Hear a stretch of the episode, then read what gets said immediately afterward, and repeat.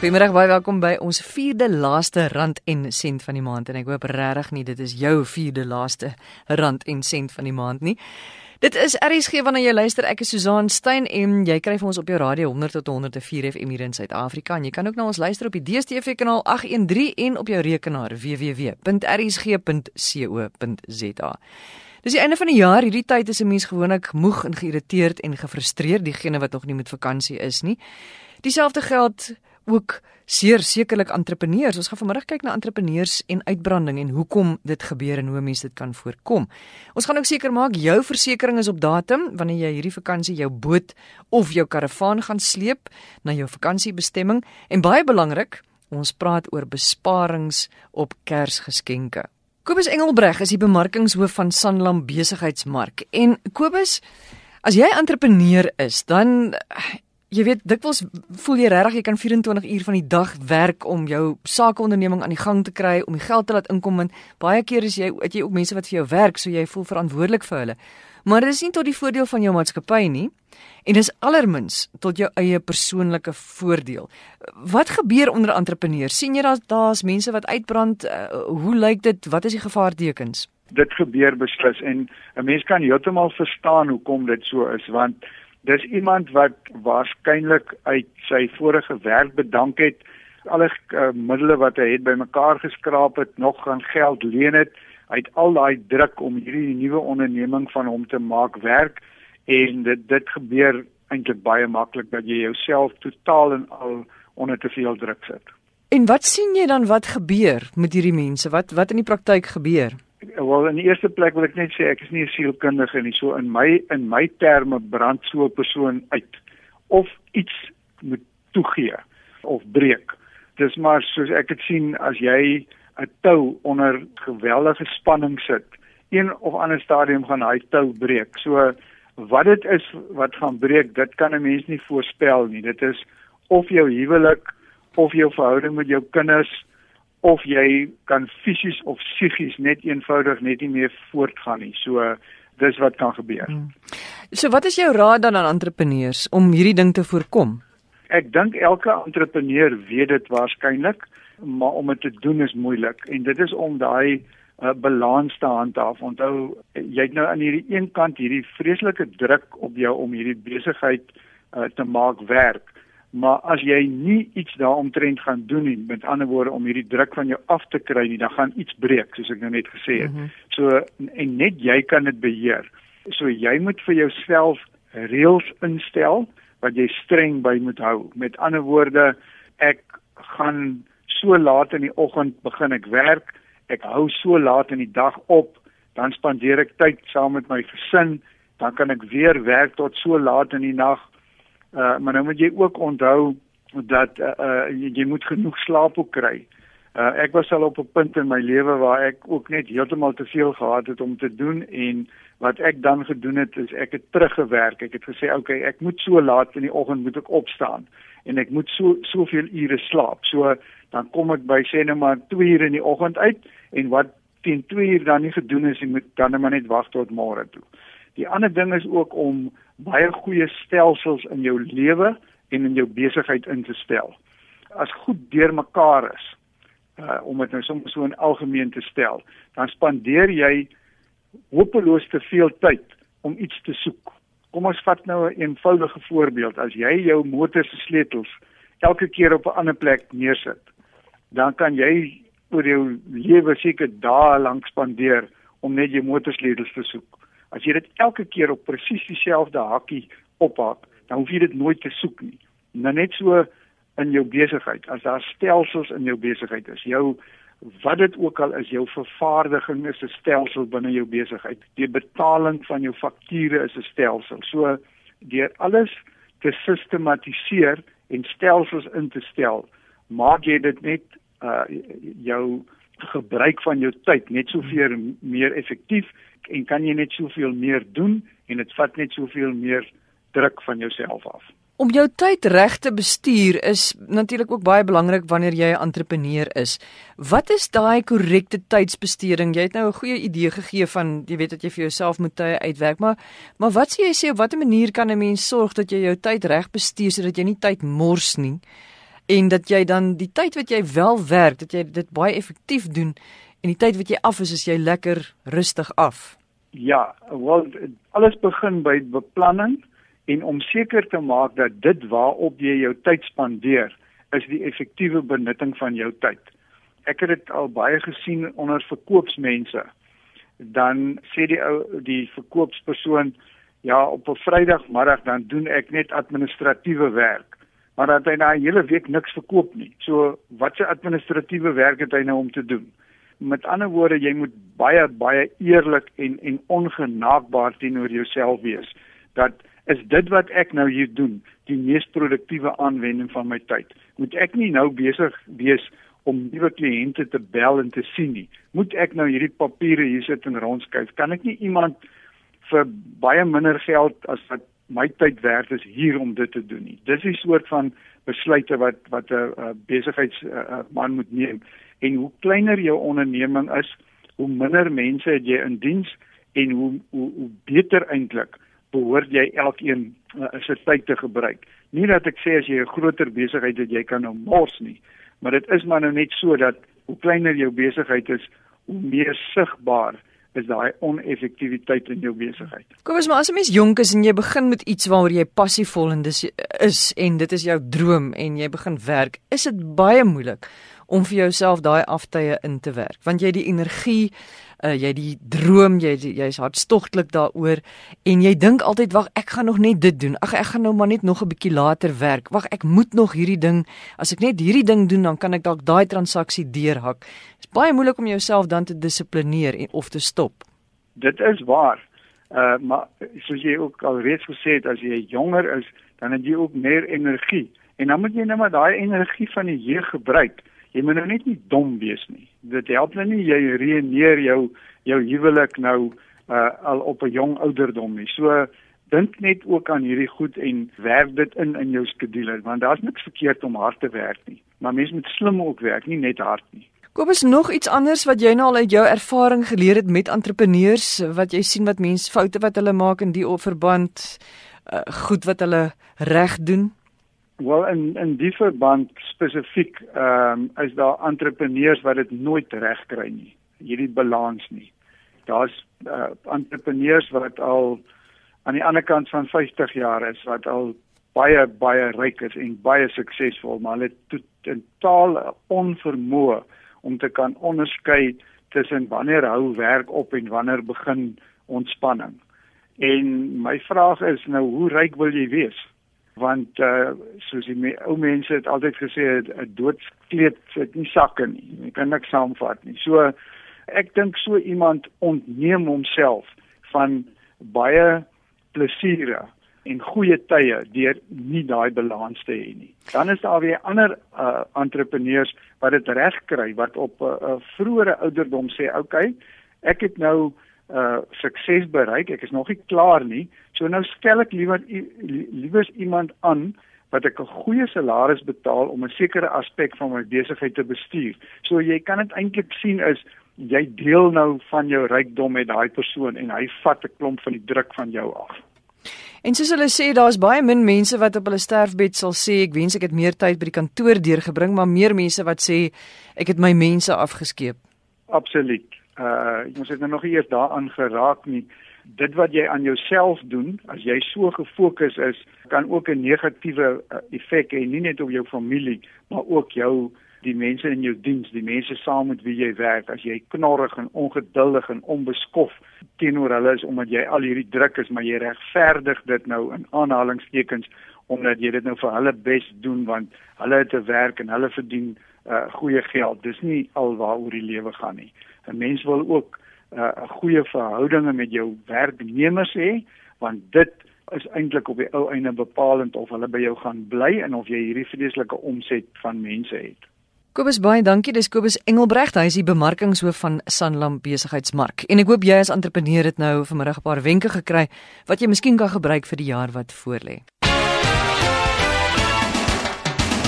Jy luister na Rand en Sent op RSG en ons volgende gas is weer Matthys Potgieter. Hy is van DebtSafe. Matthys, ek en jy het verlede week gepraat oor besparings as jy nou met vakansie gaan en jy het nou nie genoeg deur die jaar gespaar nie. Watter manier kan jy lekker vakansie hou? Maar nou Kersfees is hier en ek dink baie mense het nou al van vroeg af begin Kersgeskenke koop en so aan. Maar dit voel vir my ons raak so vasgevang in hierdie silly season. Wat kan ons doen spesifiek met Kersfees in gedagte en Kersgeskenke in gedagte om nie te val vir daai koers van gaan koop goed en jy weet want wat ek so 'n broertjie aan dood het is mense wat byvoorbeeld dis Kersfees en ek moet nou net vir iemand gaan iets koop. En op die einde gee ek hom geld uit wat eintlik heeltemal onnodig is. Ek dink die eerste raad is bly die winkels uit so ver as moontlik. Ehm um, daar's soveel bemarkingsfoefies wat tans aangaan en mense dink dat dit is 'n groot besparing en ek weet daar's baie data gedoen en, en navorsing gedoen oor spesifieke musiek wat speel in winkels en hoe mense dan ewe skielik begin het geld uitgee. Daai onderbewussyn skop in die die belangrike ding van Kersfees is is jy moet jy moet gaan kyk wat het jy nodig eersins vir Kersfees en waaroor gaan Kersfees dink ek is die mees belangrikste ding. Kersfees gaan nie noodwendig oor groot grand persente nie. Dit gaan nie oor om jouself in die skuld te laat dompel omdat jy vermoed of jy voel dat jy vir almal moet ietsie gee nie. Kersfees vir my persoonlik gaan oor om tyd te spandeer saam met die mense vir wie jy lief is en wie vir jou saak maak of dit familie of vriende is. En tyd tyd is geld, maar daai daai geld is is gratis in daai oomblik. So daar's verskeie maniere wat 'n mens kan doen. Die eerste ding is ons praat oor byvoorbeeld Kersdag self en Kersetes.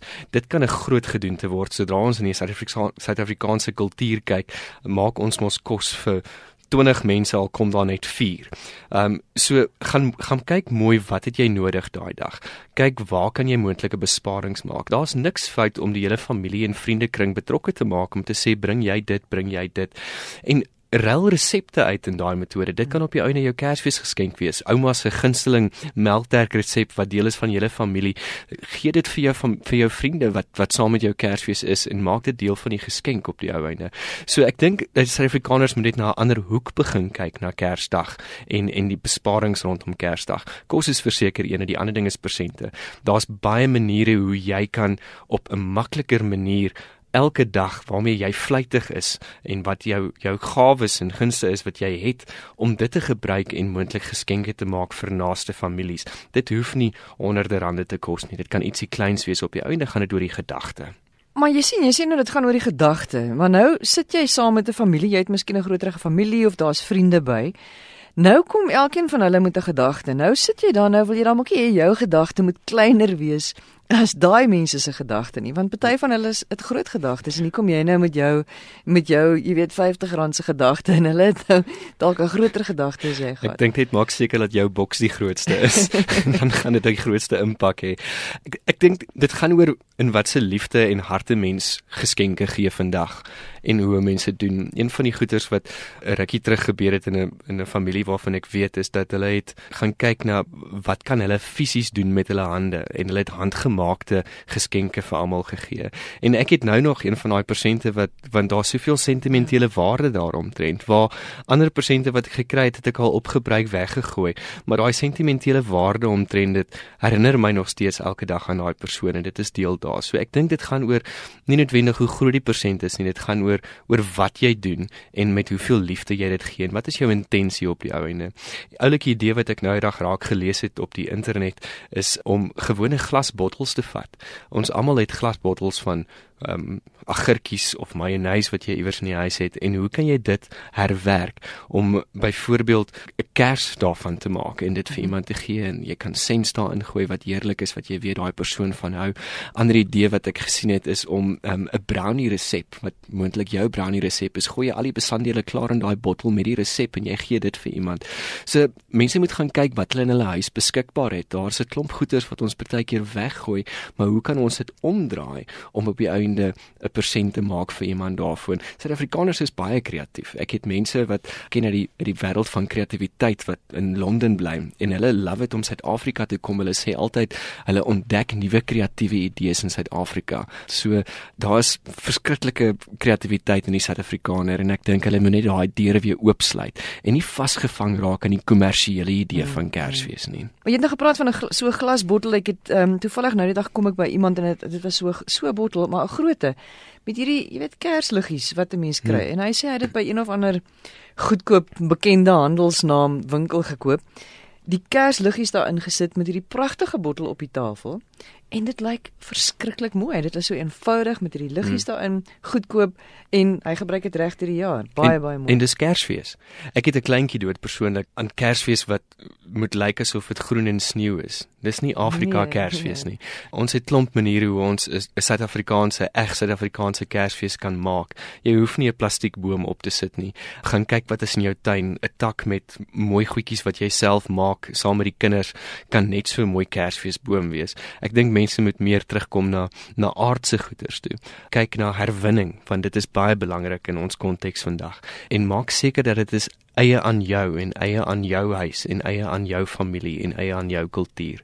En ek moet ook vir jou sê ek is nou 'n groot voorstander daarvan om heel funksioneel te wees en prakties. Jy weet so gee vir iemand ook iets wat hulle kan gebruik hmm. reg deur die jaar in hulle kombuis soos 'n lekker bottel olyfolie. Want baie keer is hmm. daar regte goeie duur olyfolie of truffelolie wat jy besluit nee, ek gaan nou maar dit nie koop nie want dit is so duur. Is dit so lekker as iemand dit vir jou persent gee? Natuurlik. En goeder soos byvoorbeeld ek ben ek ek sal enigiets gee op die stadium stadium vir tuisgemaakte ingelede boontjies soos wat my ouma dit gemaak het.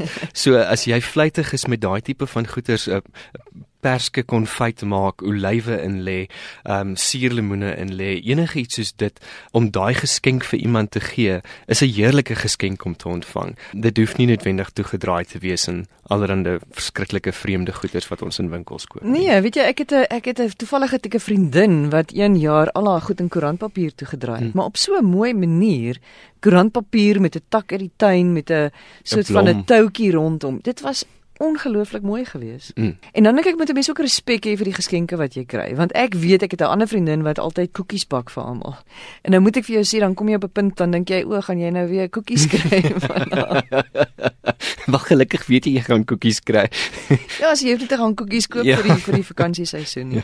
Het jy nog iets daar wat mense in gedagte kan hou vir jou Kersgeskenke spesifiek? Ek, ek dink die belangrike ding is is wanneer jy wel gaan Kersgeskenke gaan koop, maak seker jy bly binne jou begroting. Plaas 'n prys op geskenke wat jy per persoon gaan koop en bly binne dit. Dit is partykeer 'n makliker ding om te weet wat jy vir die tyd gaan spandeer en jy gaan soek binne daai prysklas as wat jy instorm in 'n winkel op die laaste minuut die dag voor Kersfees of ou Kersmiddag en jy hardloop net in en jy gryp enige iets wat van die rakke af kan val. Ehm um, gryp jy en jy draai toe. So doen 'n bietjie beplanning vir die tyd en as jy wil Kersgeskenke gaan koop, besluit wat is jou begroting per persoon. Die ander ding ook is volwasse mense in vandag se konteks verstaan dat dit moeilik gaan en almal verwag nie geskenke van mekaar af nie. So partykeer is dit 'n goeie ding om dalk net vir die kinders geskenke te koop in jou familie want tog op die ou ende gaan dit vir die volwassenes oor daai gesig gee as daai kind die die geskenkpak ja. oopmaak. Daai moment wil ons eintlik vasvang as volwassenes. So spandeer eerder aan die geld op die kinders en ehm um, kyk aan ander maniere hoe jy die volwassenes op op Kersfees kan treat ook. Matthys, maar ek wil nou nie 'n the Grinch wees nie, maar as jy vir jou kinders Ek, baie keer ek het al gesien dat dat die kinders so baie Kersgeskenkies kry. Jy weet dan is dit 'n dan is dit 'n 2-jarige kind wat oorlaai word met hierdie 30 pakkies en nie eintlik weet waarmee om te begin speel nie. Ek dink 'n mens moet ook jou kinders van vroeg af leer dit is nie nodig om 3 of 4 of 5 geskenke te kry nie. Jy kan een dingetjie kry en jy kan lekker speel daarmee. Dis 'n baie goeie punt wat jy maak. En die ander ding is is ook wanneer ons vir kinders geskenke gaan koop, laat ouma, oupa, boetie, sissies almal saam saam sit om vir die geskenk dan een regtig goeie geskenk wat daai kind nodig het of wat jy weer die kind mee gaan speel in plaas van 10 of 15 goeders wat geraas maak en na na 3 dae breek. So ek dink praat openlik met mekaar oor Kersfees. Almal is so half bang om te praat oor oor hoe geskenke gaan lyk. Ehm um, dit voel so half asof mense skaam kry daaroor, maar praat openlik daaroor met jou familie. En ek is 'n groot voorstander van 'n wenslys, weet jy, om te mm. sê julle ek wil graag hierdie en hierdie en hierdie goedjies hê en ek is ook 'n voorstander daarvan dat 'n groepie mense saam staan ja. en eerder vir jou enige geskenk koop wat 'n goeie geskenk is wat jy regtig wil hê, ja. as jy nou 30 klein goedjies kry en jy dink, ag, nou ja, goed, jy weet, okay, skattig maar. Mm. Ja, ek kyk ek is ook 'n bietjie the Grinch partykeer as dit kom by Kersfees. so wat ek gewoonlik dink as ek allerhande sulke klein klein goedjies kry, dan dink ek altyd vir wie gaan ek dit volgende jaar gee vir Kersfees? So dalk kan dit 'n besparing vir jou wees ook, so wees versigtig. Nou weet jou hele familie dit en al jou vriende Matthys. En 'n laaste ding wat ek ook nogal van hou is as jy deur die jaar iets in 'n winkel sien wat jou hmm. herinner aan iemand en jy dink dit pas vir my by daai persoon. Hmm. Dan wat ek baie keer doen is ek koop dit en dan hou ek dit hmm. en dan gee ek dit aan die einde van die jaar of met Kersfees vir die persoon. Ja. Dit gaan weer eens dit kom neer op beplanning. As jy as jy vroeër begin beplan vir 'n Kerspresent, is dit in enige geval baie goedkoper en dit is baie beter vir jou vir jou begroting ook want as jy 12 mense se Kersfeespresente moet koop aan die einde van die jaar, as jy net een koop elke maand deur die loop van die jaar, is dit baie baie makliker. Matthys baie dankie dat jy ingekom het ateljee toe. Dit is Matthys Potgieter, hy is van DebtSafe. En uh, daar is nou so waar nie meer tyd oor vir versekerings as jy 'n karavaan of 'n boot sleep nie. Baie jammer daaroor, maar ek gaan hom laat oorstaan tot volgende Sondag. Onthou om dan te luister. En uh, as jy weer wil gaan luister na ons gesprek oor die idees vir Kersfees of die een oor entrepreneurs wat ons in die eerste deel van die program gehad het, entrepreneurs en uitbranding, hoe jy dit kan voorkom en hoekom dit so belangrik is om ook tyd te maak vir jou familie en vir jouself tussen jou werk kry deur, dan gaan jy na www.rsg.co.za, klik op potgooi, al die programme op Rand en Sent of wat op Rand en Sent was, is daar al die gesprekke kan jy weer gaan luister. Ja, dis uh, tyd vir my om te groet. As jy so gelukkig is om hierdie week al met vakansie te gaan, dan hoop ek jy gaan dit baie baie geniet. Ry asseblief versigtig, rus lekker en ons praat volgende Sondagmiddag 5uur verder. Goeie week vir jou.